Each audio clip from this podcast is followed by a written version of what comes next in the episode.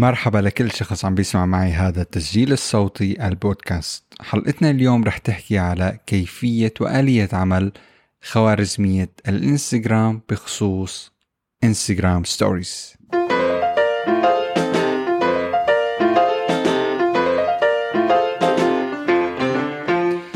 لنعطي فكرة عامة على آلية وكيفية عمل خوارزمية الإنستغرام بخصوص آه القصص. الموضوع جدا بسيط والموضوع جدا مشابه لآلية عمل آه خوارزمية تطبيق إنستغرام كتطبيق ككل.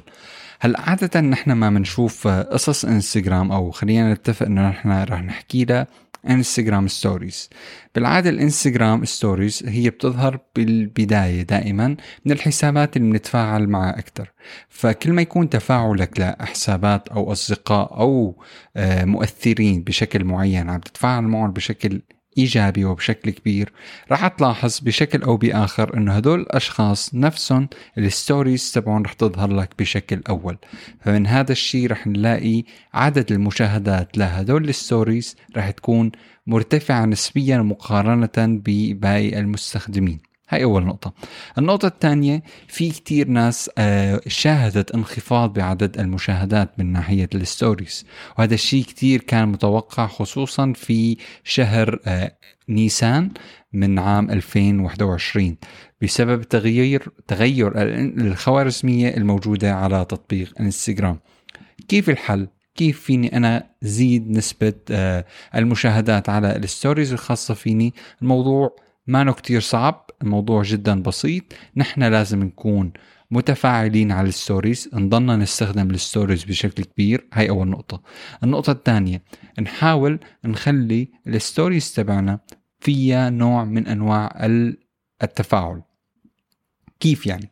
يعني أنا لازم أضمن إنه هذه ال stories فيها سؤال فيها سؤال نعم أو لا فيها مشاركة ما بين الطرفين هذه الشغلات رح تساعدني بشكل كبير لنخلي إنستغرام يعرف إنه أنا عم بقدم محتوى عن طريق ال stories مفيد مرغوب والعالم عم تشاركه.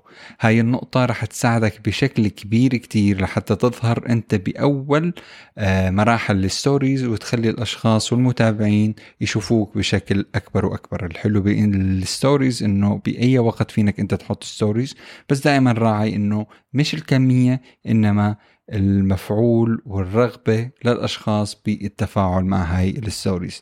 في كثير من البرامج اللي رح تساعدك تعمل جدولة لل stories مثل هاي البرامج أنا فين أقول لك برنامج Later اللي أنت بتعمل جدولة لل stories. بتمنى يكون هاي المعلومة شوي ساعدتنا. رح نلخصها بشكل كتير بسيط. نحن يكون عنا stories آه فينا نقول فيها engagement فيها تفاعل عن طريق الأسئلة عن طريق المشاركة عن طريق الرد السريع على الأشخاص لما يعملوا معنا تفاعل. هاي الأشياء رح تساعدك بشكل كبير وبشكل ملحوظ بزيادة عدد المشاهدات. شكرا كتير وبتمنى تكونوا استفدتوا مع هاي الحلقة. كان معكم صالح غنايم.